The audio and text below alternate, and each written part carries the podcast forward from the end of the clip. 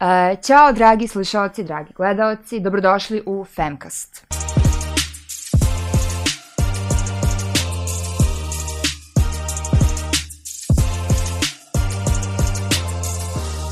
U gostima mi je Emina Imamović, uh, aktivistkinja uh, koja živi u Tuzli već neko vrijeme i koja je bukvalno aktivista ono, po pozivu i profesiji koja se bavi apsolutno svim problemima u društvu koje u tom trenutku zahtijevaju um, njeno bavljenje. Znači radi sa migrantima, to jest osobama u pokretu, e, radi sa mladima, sa djecom, a pored svega toga se bori protiv nepravde sa uh, kolegom, aktivistom Ramizom Berbićem. Uh, Emina, dobrodošla. Kako si? Bolje te našla, Andreja, hvala mnogo na pozivu. Ja sam odlično danas, kao što je spomenula, danas teče neka flow energija, pravo sam dobrog raspoloženja i baš mi je milo što se emisija snima baš danas. Da, ja isto imam neki dobar osjećaj vezi ovog dana. Mislim, vidjet ćemo kad ćemo izaći. Ali, ovaj, da, ono što mene zanima je, mislim, jako puno ljudi uh, su društveno osviješteni, otprilike uh, imaju um, oči za opresiju i znaju da prepoznaju različite nepravde.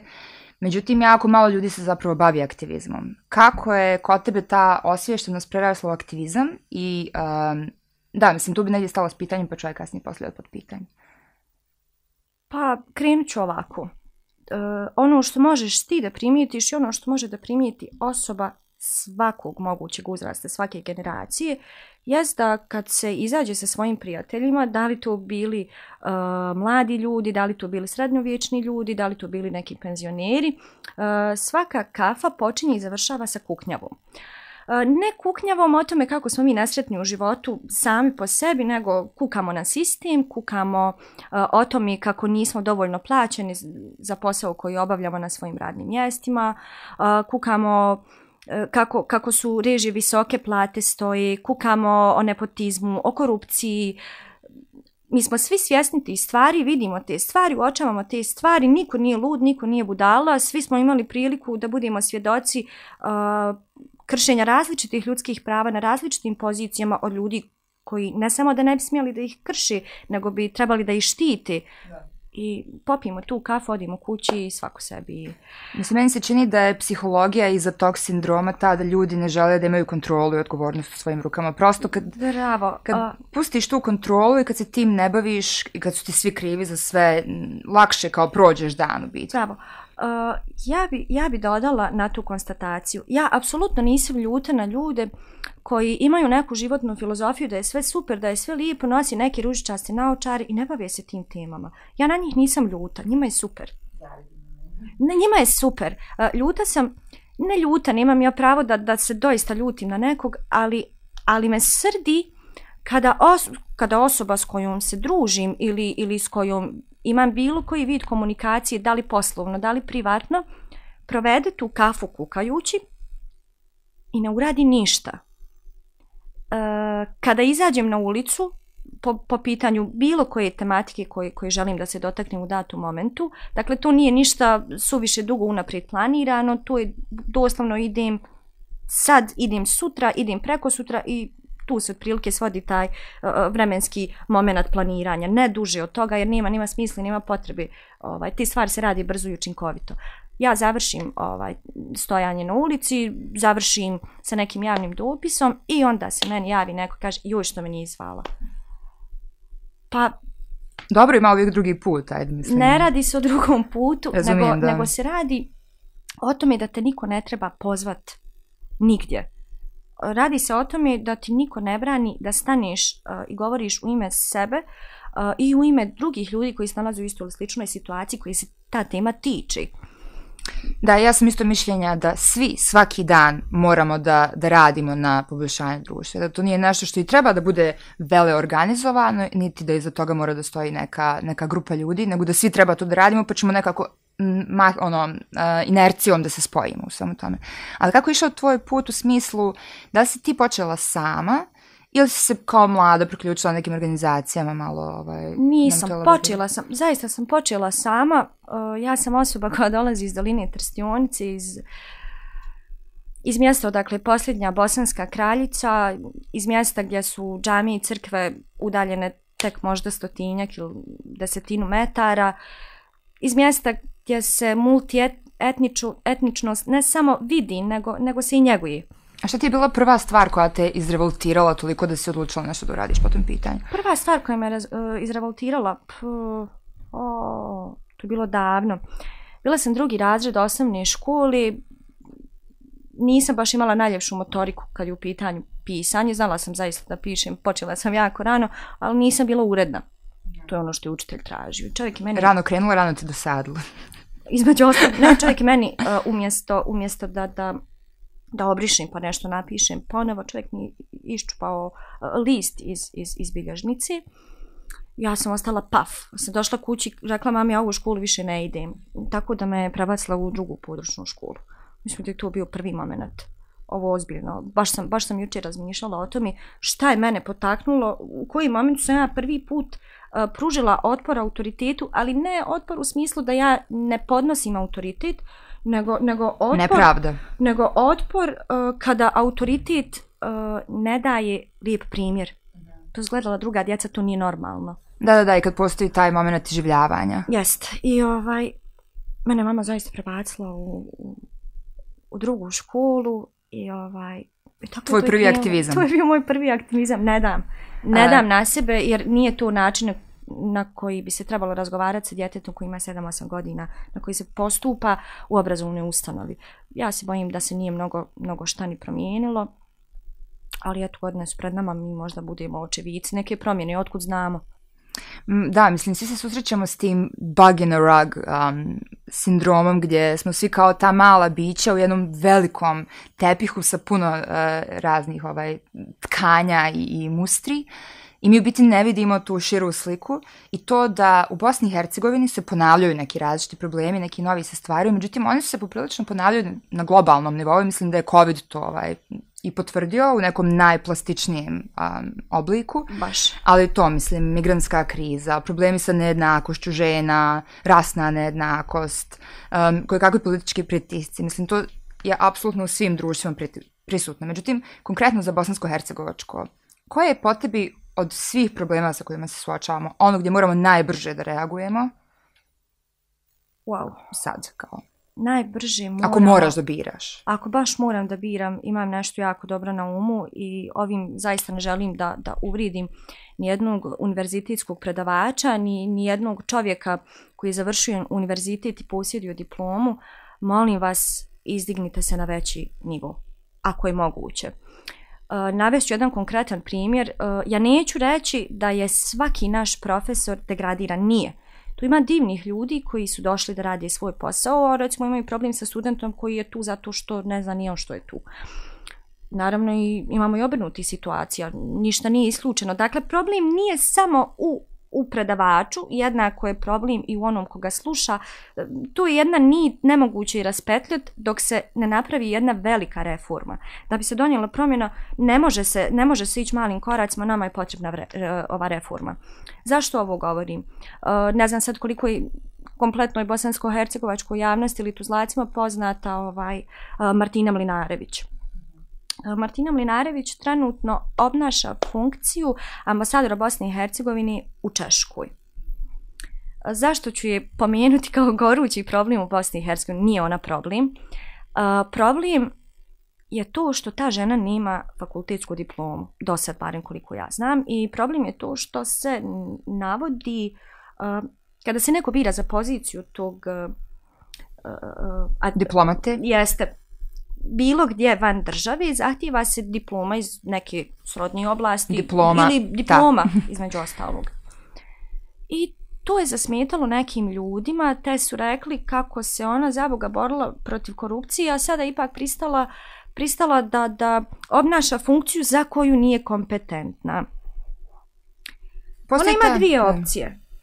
Fakultet može da završi uvijek, jer shodno njenom znanju, elokvenciji, e, poznavanju e, društveno so, socioekonomske situacije u Bosni i Hercegovini, izuzetno je dobar novinar, ona doista posjeduje znanje gdje ona može da bira koji fakultet da upiše i koju diplomu da uzme, ali ja ne mislim da bi se to trebalo uraditi. Onaj koji je trebao da bude na toj poziciji sa fakultetskom diplomom, bez uvrede za narječja, bez uvrede za bilo koje idiome u Bosni i Hercegovini ja ne želim da me predstavlja osoba koja, koja ne zna matirni jezik, ni pričati, ni pisati. Ne želim da me predstavlja osoba koja ne poznaje historiju svog naroda, ne želim da me predstavlja osoba u drugoj državi koja ne samo da ne zna historiju svog naroda, nego ono što zna ide u prilog samo jednoj naciji. Misliš na Martinu?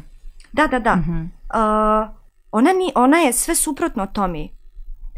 Ja ne bih željela da je tu poziciju dobio neko sa diplomom ko bi osramotio ono u što ja vjerujem ja sam jedan veliki domoljub, ali me to e, zaista ne čini posebno. A što misliš kako treba da izgleda i da se ponaša diplomata Onako kako, Bosne kako izgleda. Pošto Bosna i Hercegovina je kompleksna ovaj, i uh, pitanje je da li postoji ta osoba koja može da Ako predstavi pitaš, njenu multi. To je Martina Mlinarević, mm -hmm. Sopta. Nju bi izdvojila, ona, je, ona trenutno obnaša tu funkciju, a drugu, za drugu osobu, ja lično, bih navela uh, Branka Češlića, mog uh, jako dragog prijatelja, ovim putem ga pozdravljam. Uh, Branko je također jedan momak iz doline Trstionici i mogu reći da smo mi u stvari dvije strane iste knjige. Zaista. E, možda se ne, ne, ne borimo na isti način, ali ciljevi nam jesu isti i zaista se osjeti miris tog tamo kraja. Mi smo naprosto takvi. Uh, ja kažem, ja sam imala sreću, ja nisam mogla da biram gdje ću da se rodim i ja sam zahvala na, na, na, na takvom poklonu i zahvalna sam što sam cijeli život bila okružena upravo takvim ljudima. Uh, nije, nije mi nije mi niko zabranio da rastem. A i da jest, ja to ne bi dozvolila. Ali baš mi je to zanimljivo zato što meni, je, meni su politika i aktivizam koliko god bili vezani zapravo idu ka nekom istom, ovaj, trebalo bi da idu ka nekom istom horizontu. U biti su kao nemeses. Uh, jedno drugo mir aktivizam često uh, udara baš na politiku. Apsolutno. Ja bih rekla, nisam ga pitala, pa sad ću da kažem neko vlastito mišljenje zašto je odabrao e, i obnaša tu funkciju. E, mislim da je, da je došao do one tačke kada je vidio da svaka promjena zahtijeva uh, jedan, jedan vid moći. On je sad u poziciji da nešto uradi. Uh, što, što ne spriječava ni nekog aktivistu koji nije u bilo kojoj stranci, ne spriječavate da nešto uradiš, ali traje duži. O tome se radi, mada ja ne bi ulazila ni uči razloge. Uh, Eh, ja nisam apolitična osoba i tekako sam involvirana sam u politički život naše domovine, a isto tako pratim i vanjsku politiku jer nas je ona i tekako tiče, ali eh, nisam pripadnik i ne želim biti pripadnik i ne znam da li će se ikada pojaviti uh, stranka, partija, šta god osoba uh, koja će meni uliti toliko povjerenje da ja budem njegov sljedbenik. Mm -hmm. Zaista nisam baš najsigurnija i sve što radim to je zaista nije, nije protiv stranačku. Jer ja kažem, toliko ima ljudi sa divnim idejama, šta je njihov grijeh, ja ne znam. Ali ovaj nije baš ni prostranačku. Jer e, ja ne mogu biti dio jedne stranke, ja sam, ja sam se oprobala u takvoj stvari prije možda šest godina, To je potrebalo dva mjeseca i rekla sam arrivederci zato što bez obzira koliko nas privuče stav jedne osobi koja je član te stranke ili čak stav jednog podneblja na kojem je ta stranka, ne pitaju se on toliko. Ja ne želim ovaj da, da govorim i da nosim amblem uh, i boje uh, nekog tima koji kad progovori bilo gdje javno, ovaj, mene bude sramota. Da, ja se s time ne slažem. Bravo, ja, ja se ne slažem sa nekim ovaj uh, bezveznim, nehumanim stavovima i neću da ih podržavam nikako. I tu je moj aktivizam na kraju. I uh, sličan stil aktivizma, ako ne možda i, i ovaj najsličniji, dijeli Ramiz Berbić, on je dugogodišnji aktivista, kogod je, je. prošao pored Ismeta i Meša na neki ovaj bitan datum, kad se desila neka velika nepravda, mogao je da ga vidi kako satima ovaj, um, na jedan miran, dostojanstven način izražava svoje nezadovoljstvo i borbu za pravdu. I od nedavno si mu se i ti pridružila u tim uh, akcijama i to je bilo baš sjajno osježenje. Kako ste se upoznali, kako ste počeli da srađujete, koja je neka vaša, uh, neki vaš cilj, ako postoji? Aha, naše upoznavanje je bilo cyber upoznavanje. Ovaj, čao Ramzi, nećeš više stojati sam, molim te obavijest me za idući izlazak, pridružujem se, vidimo se, čao, eto, tu je. To je bio naš prvi kontakt, upoznali smo se na ulici, znači upoznali smo se tako što je predao jedan od od onih plaketa na kojim je bilo ispisano, ne mogu sad da se sjetim našeg prvog stojanja, sram da me bude, ne mogu zaista da sjetim šta je bilo u pitanju. Ali bilo ih je dosta, dosta, mislim, ja sam upratila samo jedno yes. desetak. Ono, bilo je više od toga, taj broj izlazaka više. zaista raste, to je minimum dva puta mjesečno, mada uh, ne, nije nam, sad ti kažem, nije nam određeno vremenski, uh, pratimo, pratimo bitne historijske datume, bitne za naše podneblje, a također bitne... Kao na primjer? Kao na primjer, e, posljednji izlazak, e, simultano smo držali natpise e, Ahmić i Trusina. Ta spomen obilježja i, i ta mrlja u našoj historiji, ja bih, ja bih voljela da nikad ne stojim iz tog razloga i da se ne prisjećamo.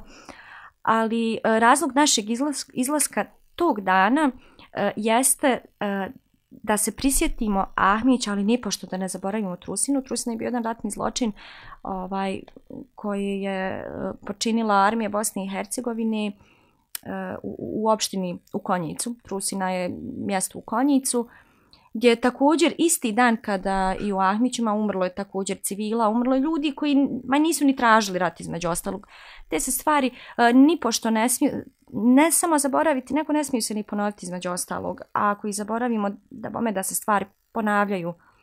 Da, ali pored tih ovaj bitnih datuma iz prošlosti koje, s kojima nikako nismo uspjeli da raskrstimo jer nisu doživjeli svoj pravni epilog niti pravedni, ovaj, vi reagujete i na nek, neka aktuelna dešavanja, kao što je, na primjer, bila situacija sa žrtvama seksualnog zlostavljanja. Apsolutno. Tu mi je možda jedan Ženska od... ravnopravnost, da. To mi je jedan od dražih izlazaka. Tu i, i, i moment kada smo razastrali šator na korzu i uvukli se u vreće za spavanje i kako, kako moja mama to kaže, pravili cigalog. pravili ovaj e, performans koji je demonstrirao u kakvim tako uslovima uh, migranti je. žive na području Bosne i Hercegovine. To je neka ta I bio je dosta, ovaj, bio je efektan, mislim, definitivno se isticao zato što ti kad imaš taj čitav vizualni moment, ti kad vidiš uh, to kao bijelu djevojčicu nezaštićenu šatru, mislim da ljude ovde malo više dotakne nego kad da, um, Taj dan sam vide... s namjerom došla na našminkana jer imam izrazito svijetlu put i imam dječju facu stvarno. Tako da kad se ne, ne našminkam, ti imaš dojam da, da imaš posla s djetetom i što god tu djete da kaže, malo drug, drugčije posmatraš nego kad tu pričam ja ovim tonom. Držala sam na, natpis, mi nismo došli ovdje, mi smo u ovu državu gurnuti, pomozite pa nam da izađemo. Uh, da, mislim... i objasnila si uh, u izjavi koju su uzeli od tebe u tom, uh, u tom performansu, objasnila si taj pushback i kako zapravo, za, kako su migranti tako zapali je, ovde, je. Što, koliko nelegalnih stvari se dešava oko njihovog procesa zapravo bivanja ovde, je. da nije na njima... Uh, nažalost, uh, vidi jednu stvar, Andreja, uh, nije svaki stanovnik dužan da zna sve ali uh, mi smo direktno, ne indirektno više, mi smo direktno involvirani u kompletnu ovu krizu sa ljudima u pokretu i ne zama, uh, nije više moguće zanemariti uh, taj moment, ali ljudi vide samo ono što mediji serviraju i ono što ugledaju svojim očima na ulici, to nisu uvijek lijepi prizori. Ja te ljude razumijem, kako naše, tako i ljude koji su u putu, nisu došli ovdje, nemaju, nemaju ništa. To je sad suvišna priča da je se priča, ali najgori moment kroz koji on prolazi nije, nije ni to pitanje što si došao, nego objašnjenje. Ako nije rat, ja nemam pravo da, iz, da izađem iz države. Zašto naši ljudi odlaze? Mi imamo ljudi odli mozaka. Moz, moz, mozgova. Da, da. ovaj, to je, mislim, to je ovaj. nešto što meni uvijek prolazi kroz glavu kad vidim loš tretman bosanaca prema uh, sjevernoafričkim um, izbjeglicama. Tako je. Mi ih zovemo migranti, međutim kako se jedan južna, uh, sjevernoafrički uh, migrant razlikuje od bosanske izbjeglice? Mislim, samo po boji kože. I onda negdje mi... I po birokratiji. Da, i po birokratiji, ali ovako mislim za običnog građanina. Kao za običnog neki... građanina, uh, kada mi odlučimo da odemo u neku obećanu nam zemlju, kako bismo imali ovaj veći, veći prihod mjesečni, kako bismo imali dostojanstvenije zdravstvo, dostojanstveniji penzioni fond. Eto tako, kako bismo bili plaćeni shodno našim radu. Kako oni odlazi? Dobije ugovor o radu, završi svoju papirologiju i po, po tom osnovu odlazi i radi. Umeđu vremenu snađu se, ostanu, napreduju, žive, sklapaju porodice i tako. A šta su sve problemi sa kojima se oni suočavaju u zemljama iz koje dolaze? Ako ih tjeraju ka Evropi, ako nije rat. Dakle, sad sam navjela primjer Bosne i Hercegovine. koja je razlika između nas i njih. A, oni predaju, odnosno apliciraju zahtjev za vizu. Ljudi, recimo, koji su po struci kuhari, ljudi koji su, recimo, po struci tesari, koji, koji su po struci izvođači unutrašnjih radova u objektima popularno kod nas nazvano bauštela.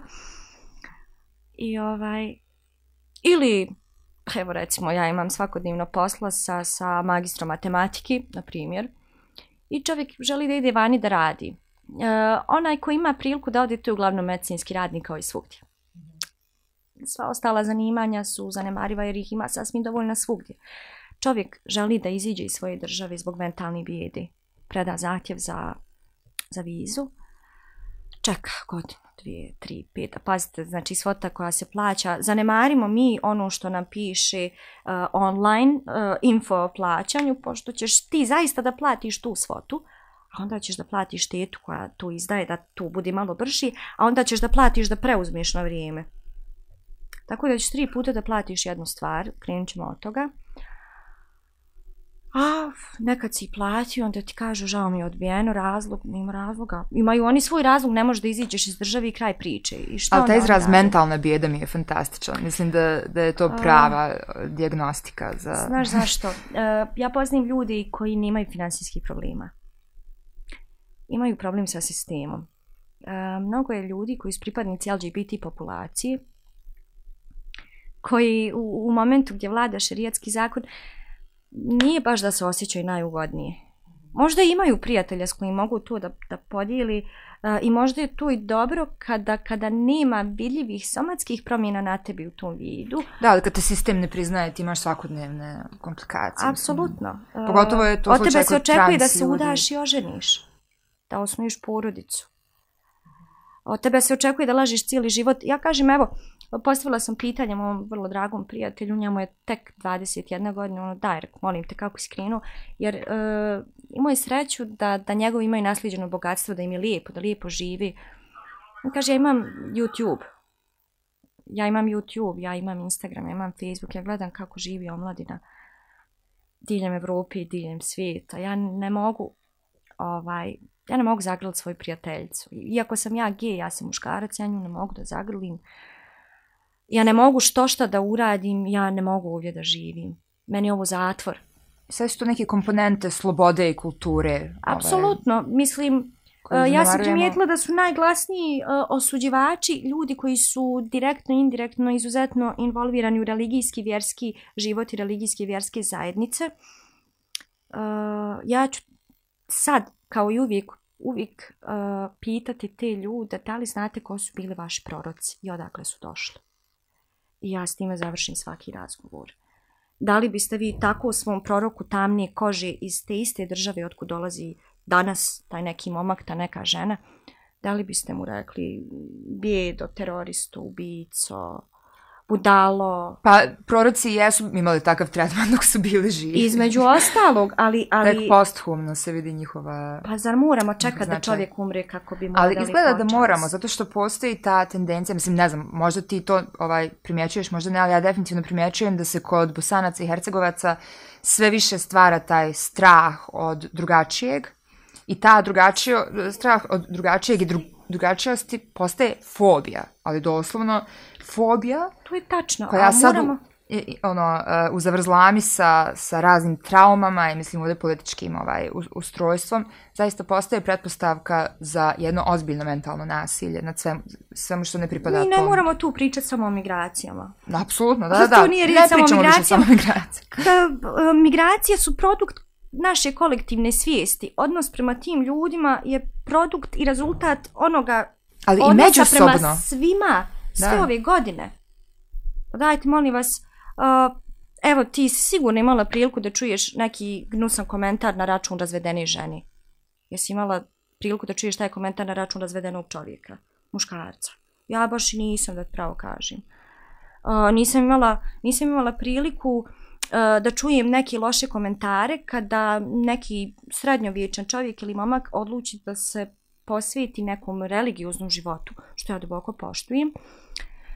I, ovaj, i na sva zvona to jel, objavi šta već, da je našao svoj smiraj, da je njemu sad super i dobija aplauz. S druge strane imamo ženu koja tu radi isto, kaže, ovaj brat, kaže neka hoštaplirka, kamenjarka i ona se sad našla za Boga meni uhvatiti vjeri. Ono kao, topim se, brate, znači propadam, ono, jeste dobro ljudi. Ali ne moramo pričati samo o feminizmu, ovaj, ovaj sistem uh, u kojem je potlačena žena, bome stavlja tišku breme na muškarca. Pazi, ti još uvijek ima žena tradicionalno odgojenih, tuđu, sjedi kod kući i kaže, hoću tu, tu i to. Čovjek radi dva posla. On mora. Kaže, nisam se još oženio, ne mogu se oženiti, nimam stan. Što pali otići pod kiriju? On, dok se ne snađete. Mislim, pitam. Uh, velika je stigma i na njima. Patriarhalno društvo nije stavilo pritisak samo na ženu, stavilo ga i na muškarca. Mislim da je vrijeme za, za neke promjene. Mislim pa bilo da kakva vrsta odvijaju. nejednakosti stavlja ili preveliko opterećenje na jednu osobu, a oduzima moć i to zdravo opterećenje drugoj strani. Mislim, to je nešto čime ovaj podcast i planira da se bavi, a to je upravo mapiranje patrijarhata i svi ovi primjeri koje si ti navela jesu jedan ovaj posto svega toga, ali mislim, definitivno Toliko je toga, apsolutno. a, taj patrijarhalni model ponašanja se ne vidi samo u odnosu žene i muškarac, nego se i u odnosu prema ljudima Žena u pokretu. prema ženi. Prema djetetu, Bilo- prema ženi. Mislim, apsolutno, A- ovaj, svemu što je van tog kao uh, muškog androcentričnog načina postavljanja, vertikalnog načina postavljanja Bravo. hirarhije moći. Bravo. Uh, moment kad smo stojali na trgu, uh, kad sam kad sam odlučila da pružim uh, izravnu podršku ženama žrtvama nasilja, jer u tom momentu je bila priča o ženama koji su žrtve psihičkog i fizičkog zlostavljanja. Ovaj, napravila sam tu sitnicu, ono, pola lica sam uh, našminkala, posve normalno, pola lica je bilo kao u masnicama uplakano i ono, simultano sam mijenjala ruke. Uh, jel znaš ko mi je dobacivao? Žene, a? Žene. Da, žena ženi zna da bude vuk, mislim, to I, smo vidjeli. Ovaj... I nasmijala sam se svaki put, ija- iako mi je ta uloga tražila nešto ozbiljnost, nasmijala sam se njima. Ovaj, jer, jer ta reakcija u stvari uh, žrtvu i tjera da šuti. Upravo ta reakcija tjera žrtvu da se poklopi, znači da se podvuče pod stu, da šminka masnice, da, da priča uh, nemam pojma, pala sam ni stepenice i tako te glupe stvari. Zašto sebi to dozvoliti? Ja sam sretnija sa svoje tri mačke koje me redovno grebu. Grebe me mačka, ne grebe me čovjek. Uh, posve svjesno homo sapiens biće koji ima moć govora. Ja ne mogu mački reći, e, ono, nemoj da me grebeš. A valjda čovjek može reći, ono, otkud ti da me tučeš? Šta ti je? Si normalan ti. Da, to su neke stvari koje su ti na svijetu i dalje tabu, Bravo, a kamoli u? Bosni i Hercegovini. I mislim, to, na tome moramo da radimo, ali evo, dešavaju se neke pozitivne promjene, jako puno žrtava progo- progovara, međutim, tad upravo dolazimo do tog problema gdje u komentarima na društvenim mrežama ja Grozno. najčešće srećem žene kao um, Grozno. ono komentari, jao, zašto bi Branislav Lečić silovao Danielu Steinfeld, on je takav frajer, ne mora on da siluje, nek mene siluje, ili tako nešto, mislim, kao, uh, bukvalno ob, Izvoli. obrnute teze, Uh, žao mi je, bez imalo solidarnosti, bez imalo empatije. žao mi je i toga. Žao mi je i tih žena. Žao mi je tih žena koje tako razmišljaju jer one nisu svjesne da se one u mašini patriarhati kolutaju se. Ali moje Kome pitanje, služiš? Moje pitanje je, da li je moguće da te žene zaista nisu nikad imale susreta sa, na primjer, seksualnim zlostavljanjem? Na, a Jer te su... Dokazano je da je, i- mislim, jedna od tri zabilježeno bila žrtva. Ja mislim da e, jako puno žena internalizuje svoju traumu, opravdaje, nekako sebi promijeni scenarij u glavi i onda apsolutno postane um, dželat. između ostalog postoji taj moment. Ali ono što sam ne, ne jednom, nego više puta zamijetila upravo kod tih žena, ja kažem, uvijek mi je žao što to bude žena ženi. A, uvijek mi je žao kad isti pol ne može uh, da razumije osobu istoga pola, jer ja ipak smatram da naši hormoni tekako utječu na, na, na, na naše emocije. A, nažalost, mi takvi kakve jesmo, e, bez obzira što ja smatram da žena zaista jeste jača da iznese određene stvari kroz život i u životu, e, nas sve to puta deset emotivno e, više dotiče. Ali možda bi dotakle muškarce da su uh, Da su- odgojeni i bravo, programirani da su osjećaju priliku, emocije. Apsolutno. To je toliko supresovano. Ali trenutno, ja sad govorim sa, sa strane biohimijskih procesa, št- kako god to zvučalo, uh, problem uh, našeg društva e, jeste što žena raste u porodici u kojoj se kaže nemoj tako da se ponašaš, bit ćeš kao ona. Mm. Nemoj tako da se ponašaš, e, zvaćete profuknjaču kao onu tamo. Otkud ideja da, da obučeš tu suknju, takvu suknju? Uh, zašto nosiš svijetle boje? Uh, sad da ne nabrajam komentare. Da, znamo sve. Zna, Kako upravo. god da se obučeš, nešto nije bilo okej. Okay. U biti nije poenta... Ali znate što se desi onda? Ta djevojka ode na ulicu i kaže, gledaj, profuknjači. Mm, da, zato što je tako... Jer je iznijela ovaj... taj model ponašanja, ja kažem, nije čak ni ona kriva. Ne kažem, ne kažem da nema mogućnost vlastitog razmišljanja, ali ljudi, naš, naš mozak ne samo da je spužva, naš mozak e, radi u korist naših stavova. Kada nam se govori uh, suknja jednako silujme i kada nam se govori uh, šminka jednako zgrabime ili kada nam se govori nemam ti pojma šta, dakle kad se povezuje fizički izgled sa, sa momentom šta mi da radimo s tom osobom, uh, naš mozak kupi tu informaciju. Šta se dešava sljedeće? Uh, izađeš vani, mozak će se potruditi da podkrepljuje tvoje mišljenje. Uh, a vi što vidiš što se lijepo, a vi što sam zakopčana do grla, ja sam divna, jedna čedna, smirna osoba. Mi u biti filtriramo sve informacije izvana i apsolutno odbacujemo sve ono što nas ne zanima, to je što ne hrani našu verziju istine i percepcije stvarnosti. Bravo. Da. Ono što mozak radi upravo jeste hrani naše verzije. Mi te verzije možemo promijeniti. Naša, ako imaš uvjerenje, ti si isto uvjerenje uzio kako si nešto uzio, tako nešto možeš ponovo uzeti i ostaviti mjesto gdje ga našao. To nije tako. To nije tako. Ja, uh, kad pričam na ove teme, ja nikad nisam rekla žena je ženi vuk. Ni čovjek je čovjeku vuk. Nego osoba je osobi vuk. Ja imam ženskih osoba s kojim je nemoguće da se složim, jer njihovi stavovi o životu i njihov odnos prema drugim ljudima meni ne dozvoljava manevar ni da ja sjednem s tim ljudima za stu. Jer ne možemo trošiti našu energiju kako bismo osvijetili ljude koji neće da su osviješteni. Da. Ne možeš. Ne može. Ja sad imam jedno pitanje koje mi je ovaj, baš palo na pameti, na koje ne znam odgovore, nisam uspjela da ga nađem, a možda sam potpuno neuka, a možda ćeš mi ti znat odgovoriti. Uh, gdje su žene u pokretu? Znači, Evo, ja nisam vidjela ni jednu ženu u pokretu u Tuzli, konkretno. Baš ti, hvala, baš ti hvala na tom pitanju. Evo, trenutno su četiri žene na autobuskoj stanici Tuzla sa šestora maloljetne djeci, od čega su tri djevojčice. I One nemaju bazu neku. Znači, tih 80 plus miliona eura koji su ušli u Bosnu i Hercegovinu iz Evrope su otprilike gdje? Možeš li da mapiraš da li su te žene dobile ikakve potrepštine? Žene. Uh, Za muškarce znamo da nisu, oni su bukvalno kao cuke lutavci. Uh, ima, ok, postoji, ja ću to nazvati određenim vidom pozitivne diskriminacije, mada diskriminacija ne treba da ima nikakav plus ispred sebe, ali kad kažem pozitivne, ne znam, što god od robe imaš, prvo ćeš da daš ženi, uh, vulnerabilne skupine tipa žena, djeci su prioritet. Inače, bez obzira ovaj, eh, s kojim ciljem si tu, zadovoljavaš potrebe majke i djeteta ili eh, ženi koja sama putuje, dok ne mora ona da ima partnera, mnogo žena putuje posve usamljeno. Eh, žena i tekako ima, hvala Bogu, ne moraju tako često da se povlači po ulicama. I u, pa i u kampovima koji, što se mene lično tiče, ne, zadovolja, ne zadovoljavaju baš sve ljudske uvjete.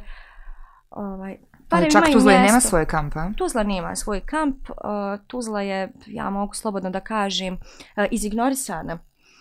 Uh, neću reći da je potpuno zaboravljena i da nemamo nikakvu pomoć, ali ono što imamo, smještajnih kapaciteta, nema ljudi, dolazi umorni, duđu mi ljudi sa granice iz Srbije, uh, mnogo posve ojedenih od hodanja, uh, otkiniš komad kože i ti si već jel, zašao duboko. To nije povreda. Uh, to, to je koža koja je nabubrila od silnog znoja i hodanja i žuljeva. Vjerovatno loše higijene uslovljene užas, užas putovanjem. Jedan, o, ta osoba želi da se odmori, ali ne može, ona mora da nastavi svoj put kako bi legla.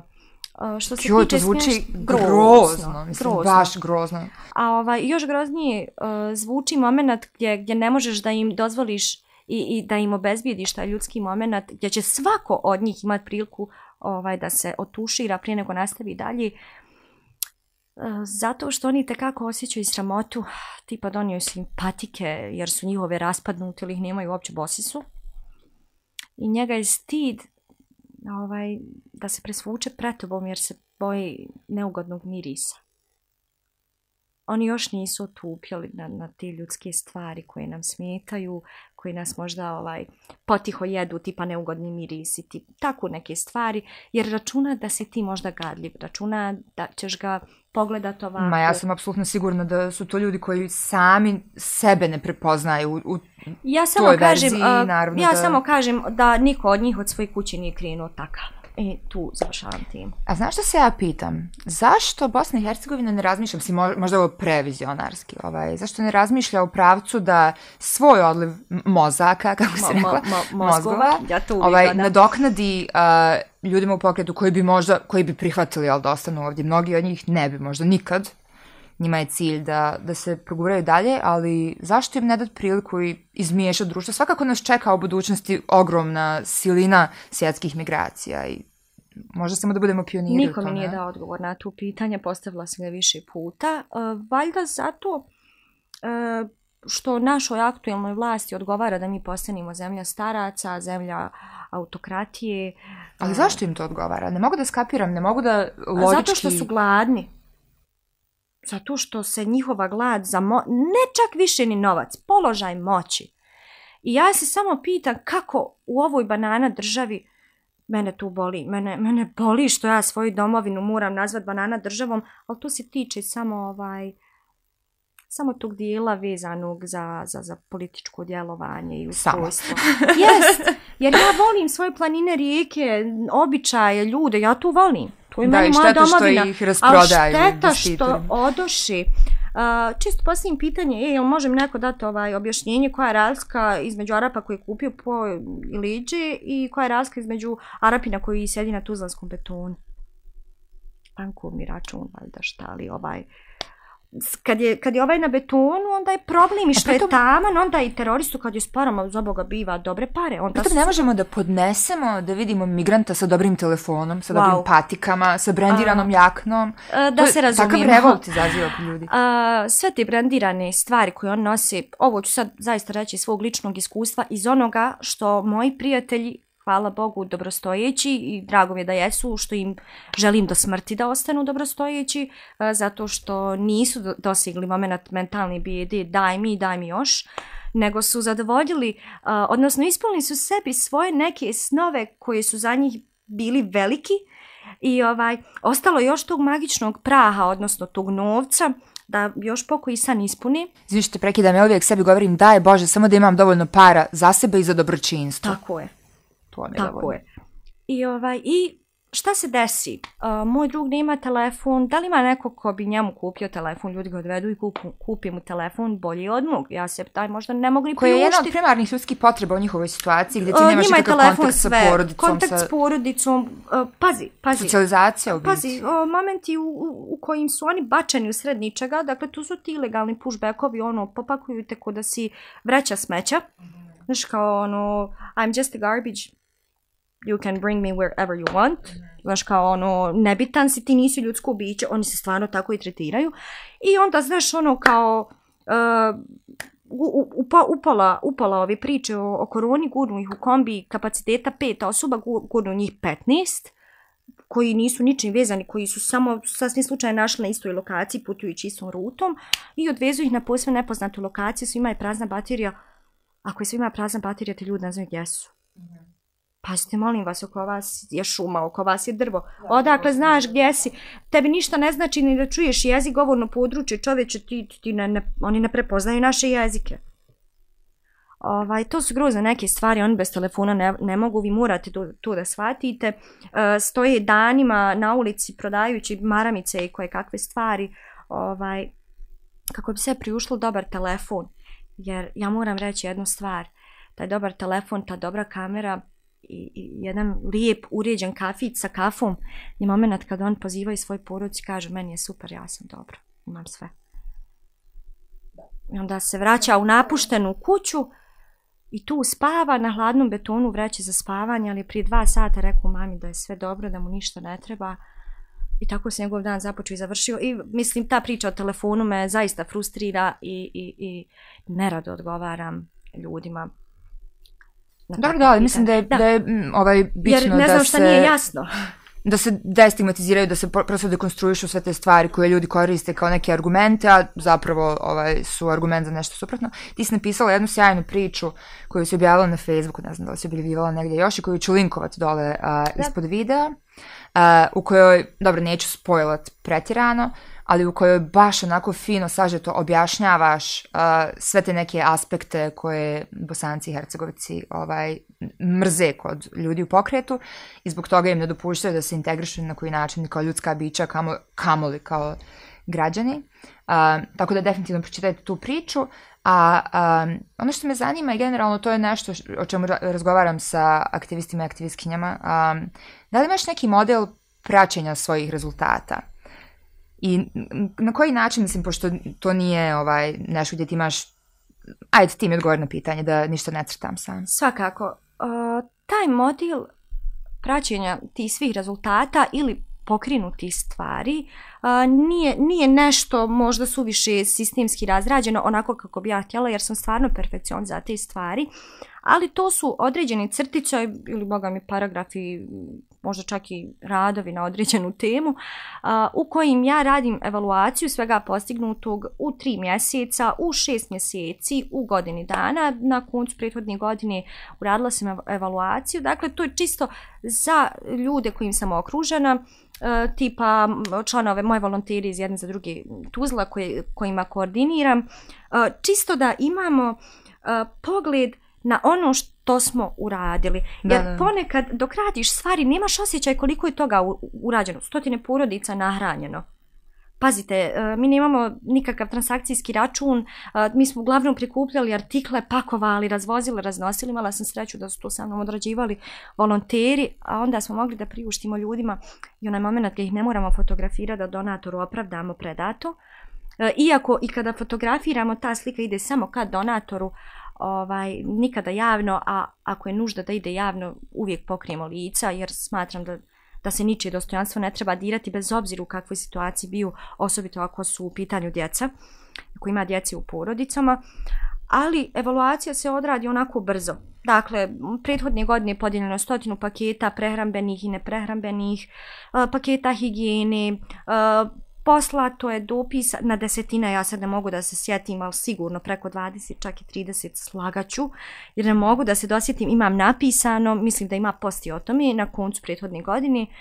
Uh, jednom smo čovjek obezbijedili uh, medicinski krevet, uh, toaletnu stolicu i, i, i, i kolica uh, koje on sebi nije mogao priuštiti, hvala ne mogu da izbacim iz glave riječ dostojanstvo, dostojanstvo, dostojanstvo. Ti su biti boriš da svakoj osobi daš dostojanstvo na neki Apsolutno. način. I to je jedna kategorija koju bi mogla napraviti ono još pet podcasta. Samo o tome da pričamo i da dekonstruišemo šta je tačno dostojanstvo i koliko je bitno. Vidi, kad odnesem neku stvar mojoj neni Azizi, ne fotografišem je iz samo jednog razloga.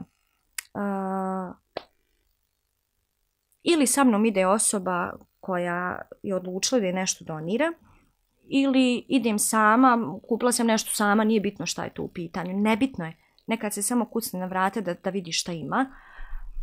Uh, ne, ne zato što ja smatram da je fotografija loša stvar nego što smatram da je bijedno i bolno slikat neimaštinu u starosti. Tu je onako ovaj, jer ta žena je nekad bila u prilici da bude ona koja daje. Nek ostane to tako i nek, nek ostari ona u miru i nek se ne, ne povlači po koje kakvim medijima, a uvijek ima izrazito dobrih i milih ljudi koji mi se javi i pitaju je mi na kome da odnesem. Da, da. Ne, mislim, nisam mislila kao fotografiju uh, koja je antidot dostojanstvu, nego dostojanstvo in general.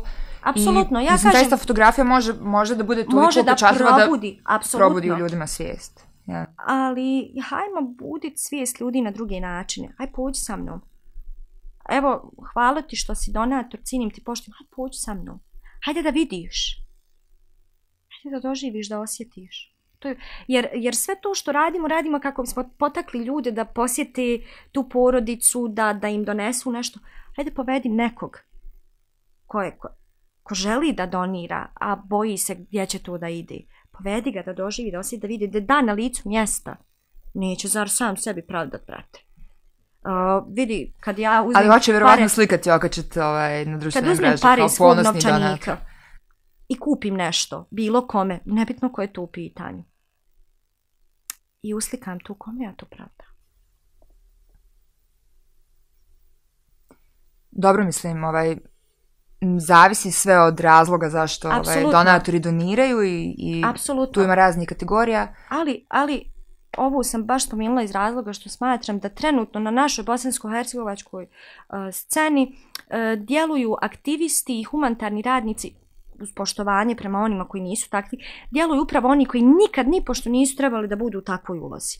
Ja razumijem da svi mi u životu imamo tuga, bolova, uh, da svi u životu imamo moment kad se osjećamo bezvrijedno, nevoljeno i treba nam taj moment satisfakcije, treba nam da smo voljeni ali nemojmo uzimati tuđe dostojanstvo da bismo gradili svoje ti. Otkinješ od čovjeka da bi slagao na svoju gromadu dostojanstva. Ali u biti dostojanstvo je neki kapital kojim se mi ovdje ovaj, razbacujemo. U, samo da objasnim. U smislu, živimo u jednoj onako snaf kulturi koja uh, najviše producira i gleda reality show-ove, na primjer. U tom smislu. U tom smislu Mislim da svakako. znači, dostojanstvo postalo kapital koji možemo da prodamo, Absolutno. doslovno da kapitalizujemo za Apsolutno. za novac. U ovom slučaju naravno nije ista stvar, ali u neku ruku može da bude ukoliko uh, posmatramo to kao dostojanstvo osobe koja je dobila donaciju na neki način oskrnavljeno tom donacijom, zato što ne, pazi, joj treba pazi. pomoć i onda donatori koji se naslađuju tim. Ovaj... Pazi, ne, donator se ne naslađuje jer donator ima svog donatora. Uh, ono što donator želi da zna jeste gdje je stvar otišla i nije uopće problem fotografija, tu sam pokušala da, da, da kažem unutar ovog kompletnog razumijem, izlaganja, razumijem. nego uh, poslao si fotografiju donatoru i može li tu stati tu? Kaži mi na koju si ovaj, od svojih uh, akcija najviše ponosna? Mislim, naravno ne želim da ih mjerim koja je veća ili manja, nego neko što je tebi lično bilo. Navešću dvije meni onako izuzetno teške, stvarno teške. Uh, to su tri telefona uh, za djevojčice pacijentice na onkologiji koji nisu, koji nisu imale telefona, nisu imale priliku da izađu vani, bile su potpuno u karantinu, nisu imale nikakvu kontakta sam sa svojom sestricom. Ovim putem pozdravljam sinku koja je, to, sinku koja je toliko pomogla kao medicinski radnik, kao osoba koja je imala sluha za tu djecu. Hvala im mnogo ovaj, što je pokrenula tu akciju, što nas je kontaktirala, što im je na koncu to sve predala eto tu mi je ono bilo moment ovaj, kad je sva ona korona počela, a druga najteža situacija u koju sam bila involvirana je moment kad sam vidjela šta stvarno sudbina može da uradi. Pazi, mi svi možemo birati posao, pa kao izgubiti posao, pa krenuti nešto studirati, pa prekinuti, pa ne biti uspješni, pa sve. Zamisli čovjek koji je uspješan, koji ima sve, i koji bi nastavio imati sve, koji proširi porodicu, koji napravi kuću, koji eh, radi u javnoj ustanovi, kojim sve ide super, koji živi jedan idiličan, prelijep život, dostojanstven čovjeka, čak možda tu ne pomogni nekom i drugom, odjednom oboli od tri karcinoma, a prethodno je podigao kredit, eh, odi na bolovanje, novac koji je primao na bolovanje pokriva samo kredit, eh. znači život ti se čovjek ruši a žena ne može da radi zato što mora da se stara o njemu i o djeci. Znači, taj pff, mind blown moment, ono, čovjek je stvarno dao sve od sebe, niko nije računao na bolest. To, to mi je bio, ja mislim, jedan od težih susrijeta do sad. A bilo je stvarno svega. Kakva je situacija sa ovaj, ljudima u pokretu i COVID-om? Zato što oni, prepostavljam, nemaju pristup uh, zdravstvenim uslugama? Uh, imaju, ali pristup ograničen. Dakle, za hitne i ozbiljnije slučajeve ima, nažalost, eh, uh, i tekako se Tuzla ignoriše kad su u pitanju konkretne stvari. Više ne znamo šta konkretno o tome se radi šta se konkretno može besplatno tretirati, za šta konkretno treba da se plati i tako dalje. Naravno, Čak kad je u pitanju pandemija koja utiče na cijelo uh, Mislim, ono koliko sam ja upućena da COVID pacijenti zasigurno imaju pokriveno liječenje od Danish Refugee Council, uh, s tim da ja ne raspolažem brojem ljudi koji su bili zaraženi. Da tako da ne bi... uopšte, mislim, kako to imaš nekako... Što se tiče, što se tiče ulice, skvotova, mjesta gdje se oni zavlače, kad je policijski sad, znate se, moramo da budemo kući, pa moraju i oni, samo kući nema.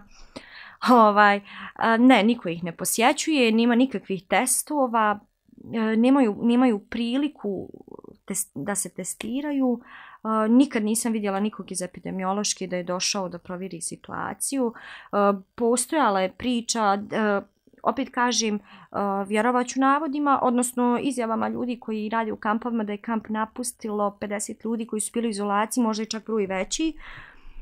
Ali ja zaista ne želim da, da manipuliram ciframa jer nisam sigurna za brojku. Uh, sigurno da ima ali na svu sreću uz, uz barem taj maksimalni opriz, uz, uz taj moment predostrožnosti, sve se to može nekako odraditi, da ljudi ipak dobiju nešto uh, od stvari, da ostvariš neki kontakt, uh, a da si ipak siguran da si ile zaštićen, da, da, da mu možda nećeš kumovat bolest ili on tebi št, ili to mi slično, ali uh, mislim da je strašno da da osoba koja iziđe iz bolnice, dakle dobila je medicinski tretman. Evo, na primjer, jedna od žena u pokretu porodila se na, u Tuzlanskoj bolnici ovdje i ovaj, dijete se rodilo ovdje, mala Halima je rođena u Tuzli. Uh, imala je medicinsku skrb do momenta izlaska gdje idu poslije. Gdje će poslije? Uvijek je pitanje gdje poslije tog medicinskog tretmana, gdje da, gdje da pružiš dovoljno njege osobi koja nije više za, za bolničkog tretmana, ali nije ni za samostalnu brigu o sebi. Tako da ovaj što se tiče kovida otežao je mnoge stvari zaista. Meni lično je otežao ovaj razgovore i povezivanje s tim ljudima. Jer uvijek sam se trudila da da sjednem pored čovjeka da pričam između ostalog. Stvari će oni dobiti tu i tamo. Uvijek da. će se naći, i kad nema neke organizacije, naći se neki dobri čovjek koji će ti dati onako od srca, ali taj razgovor nedostaje. I ne samo razgovor, nego produktivan razgovor. Razgovor tipa gdje ti je mama, gdje ti je tata, gdje su ti, to nije razgovor, ti čovjeka bockaš. Nemoj ga pitati stvari koje ga boli. Tipa, koji film voliš da gledaš, tipa da li nešto treniraš. Ma to samo pokazuje koliko ih ne tretiraju kao ljude. Apsolutno, ja ne smatram, uh, mnogo puta sam čula riječ psihosocijalna podrška, čovječe nije psihosocijalna podrška, pita čovjeka odakle dolaziš, gdje ti je mati, gdje ti je otac, koliko ti je godina, nije psihosocijalna podrška, to je, to je infoportret što radiš. Ali ovaj, nema se vremena. Ja opraštam, nema se vremena. E, tebi kad pristigne 35, 40, 50, 80 ljudi, nemaš ti vremena sa svakim da progovoriš. Ali e, imamo svi valjda oči i s obzirom koliko smo involvirani sve ovo, valjda možemo sami da ocinimo ko je trenutno uh, vulnerabilan u tom momentu, ko, ko ti je snužden, ko ti je izmoren, Njemu ćeš da. možda najprije prići. Eto, to su tako ta neka zbivanja. Ali... Dobro, to su neki isto praktični savjeti kako građani koji imaju empatije i solidarnosti mogu ja tu za početak da, da uspostave neku ovaj, komunikaciju, ako ne nužno pomognu ili doniraju. Uh, ali evo, ovaj, ti si me ponukala da i sama razmišljam o tome tim svojim tekstom o uh, hipotetičkoj 2040. To je... Ajde sad malo da, da spekuliramo budućnost. Malo da spekuliramo. Kako će uh, izgledati BiH? Pa ne, kako bi ti voljela, što misliš da bi bilo, bio neki idealni scenario za BiH, ne toliko možda daleko u budućnosti, eto tipa 2035.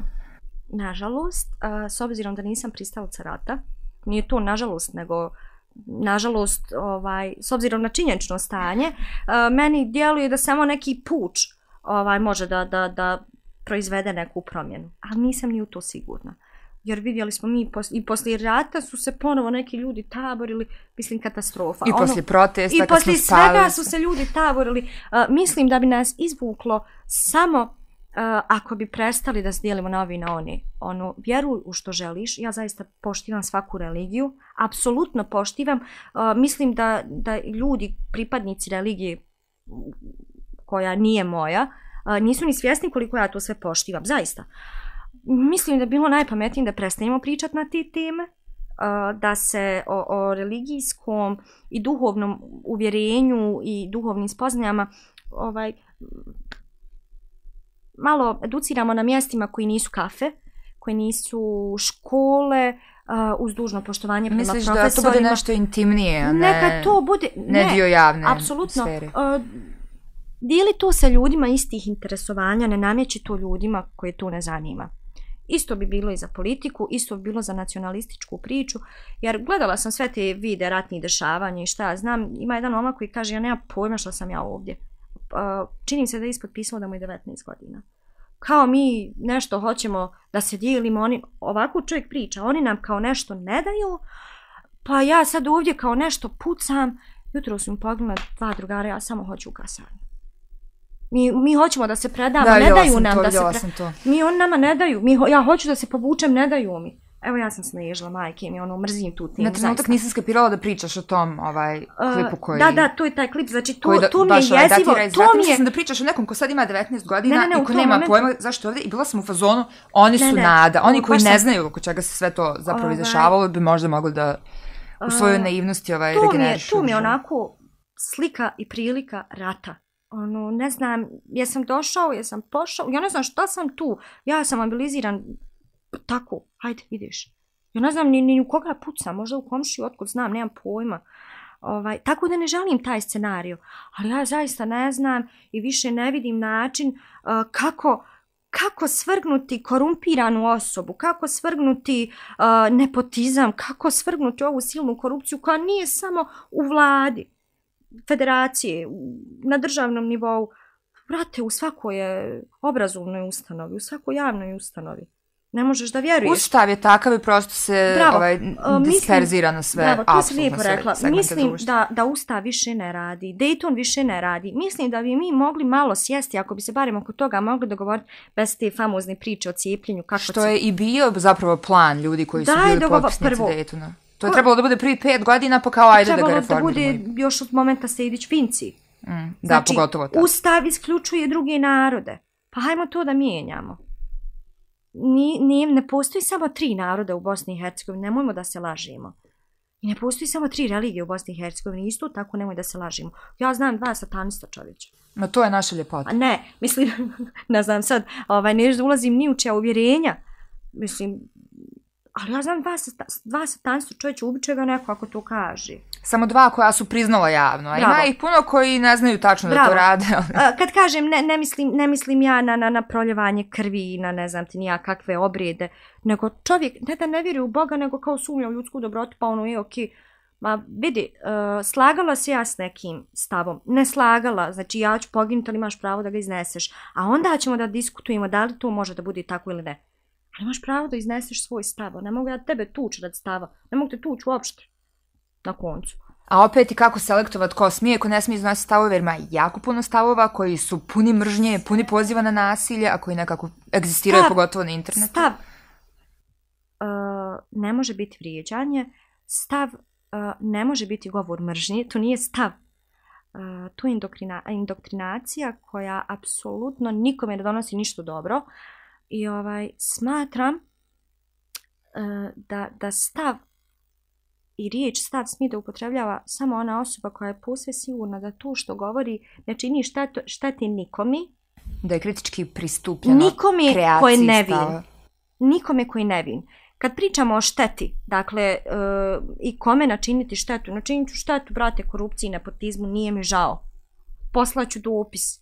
31. decembra uh, uletjeću u, u, u BKC, to se desilo 2020. godine, kada nisam dobila dovoljno povratnu informaciju od vlasti i kada se porodici jednoj nije uspjelo osigurati sve što je njima trebalo, onda sam lijepo došla, ovaj, dok je padala vlada, jel? I molim vas da, da, da popunite i da kažete koliko svotu novca ćete vi donirati svog džepa, pošto vidim da vam je ovaj trezor pravo skup. Ne daš čovječ, ne otvaraš. Kontala se možda na kartici lakše, ono potezno je, znaš. ovaj, prikupila se. Ali hoću da ti kažem, ono, uradi nešto, zbuni ljude, bolan. I kad neko kaže ne može se, brate, nije me niko krivo pogledao, možda i jeste, ali nisam registrovala. Ovaj, ljudi su prilazili da pitaju šta je to, ono, znaš, on stojala sam, brate, ku portir, pustili me ljudi.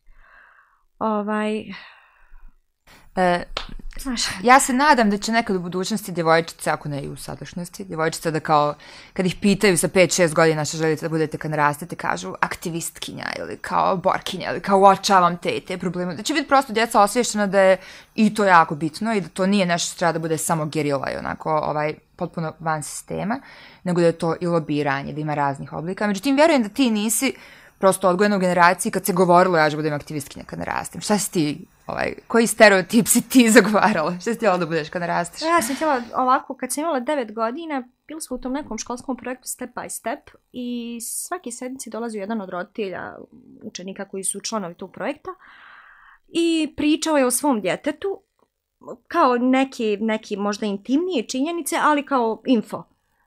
Sad, stav roditelja. I kao dođe mama, mama, ono, 9 godina. I sad šta je Mina želi da bude kad poraste? Sad učiteljica postavlja pisanje, kaže, mama hipernaut. Ja, ja, ja kažem jest. I sad, šta je za Boga hipernaut? Pa to vam je koji astronaut, samo ne idem na mjesec, nego idem svuda. Ja mislim da sam ja hipernaut. Ja stvarno mislim da sam ja trenutno hipernaut, jer stvari koje ja radim, ovaj, ljudi me gledaju koja sam pala s Marsa, pa valjda, ono, niko ne da mi kaže da skinem za Boga to dijelo, jer ne, ne znam šta kontaju, ali ovaj, ne, ne nailazim uvijek na odobravanja. Dobro, imaš ti još čitavu ovaj, mamu zemlju da, da obiđeš ovaj, dok, dok je ne napustiš, ali da, to je baš zanimljivo, mislim, hipernaut. Gdje si ti to pročitala, vidjela, kako ti to... E, Dobila sam ja tu neku enciklopediju za Boga za rođendan dugo željenu, pošto tad je još uvijek Google ovaj search nije bio popularan. I dobila sam tu faktopediju, mladinska knjiga, dobro se sjećam. Imam je dan danas, eno, eno nosam je sa sobom iz grada u grad, iz Kaknja u Sarajevo, iz Sarajeva u Kakanj, iz Kaknja u Tuzlu. Znači tu hoda sa mnom, prate, obišlo je svijeta. I ovaj, a iz te knjige smo zajedno, ja i Branko, kojeg sam pomenula, čitali, tako da zato kažem, mi smo ovaj, dvije strance Aha. iz te knjige, jeste. Ovaj, Hoću ja kopiju. dobit ćeš. A, krenulo je odatle. Ja sam, ja sam stvarno uh, u toj knjizi svašta vidjela. To nije kao enciklopedija, nego kao faktopedija. da. Pa je tu u crticama i vrlo interesantno jednom mlađem djetetu čovječe. I ono kao, ej, Branko, jel vidiš ti ovo? On koji, tipa, znaš. Ovo, ovi krstaški ratovi, i majke sjećam se, znači, te scene, znaš, kao nacrtan je vojnik, nacrtan je štit i tu je kao ovaj križ. Tako su se, o, to je bila oznaka krstaških ratova. Kao, ono, šta su radili? Ono, a, ti, ti, ta povod za krstaške, ja budala. E, to je to. Uh, sama sam se čudila historiji, koliko su ljudi glupi, koliko su ponavljali jednu te istu stvar, Da. ono kao da li ste realni i, i onda nađeš, nađeš neki pozitivan primjer, wow, gledaj, gledaj ovo čovjek je od buđe napravio penicilin, bit će nešto, znači ako može od buđi penicilin, može od svakog nešto da bude i brate. Ovaj, tako da ja vjerujem u čovjeka, ja vjerujem da ukoliko se krećemo među ljudima čija svijest je barem dosigla neki lijep mentalni nivo, ne mora to biti osoba koja poznaje sve, nego čija riječ prati misao, čija misao prati djelo, ri- sve. Da, da je to jedna kompletna formirana osoba. Ako se okružimo takvima, mi se imamo čemu nadati. Ako nas takvi krinu voditi, ako za takvi pođemo glasati, mi se imamo čemu nadati. Ja posljednjih godina mislim da na izborima uporno pobjeđuju oni koji ne želimo, čisto radi korupcije. Čisto radi krađe, jer nemoguće, je, nemoguće mi je da je toliko nezadovoljstva da i dalje pobjeđuju isti nešto meni tu smrdi. Ja hoću elektronsko glasanje, evo možda to bude jedna od narednih peticija. Mislim da je vrijeme da to bude transparentno. Ne, naravno, naravno da dan danas glasanje treba da bude anonimno, to je pravo svakog građanina.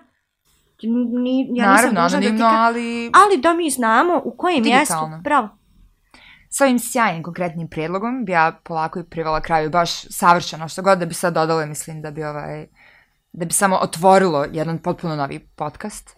A, ali završila bi se jednom mis, mišlju koja mene prati kroz život. Ne znam čiji je to citat, ali meni je to nešto jako bitno i mislim da je možda dobro kao neki ovaj moto. A to je da mi svi tretiramo druge ljude onako kako sebe tretiramo. Volimo druge ljude na način na koji volimo sebe. I da se zapitamo i sjetimo toga, te istine, mislim, nije to neki kao ovaj poetic quote, to je stvarno istina, da se sjetimo toga svaki put kad tretiramo druge ljude loše, samo zato što su drugačiji, zato što ih ne razumijemo, a zapravo ti mali e, činovi dobrote i ljubaznosti fakat ovaj, puno znači, što bi rekla Hanka Paldum, sreću treba zaslužiti.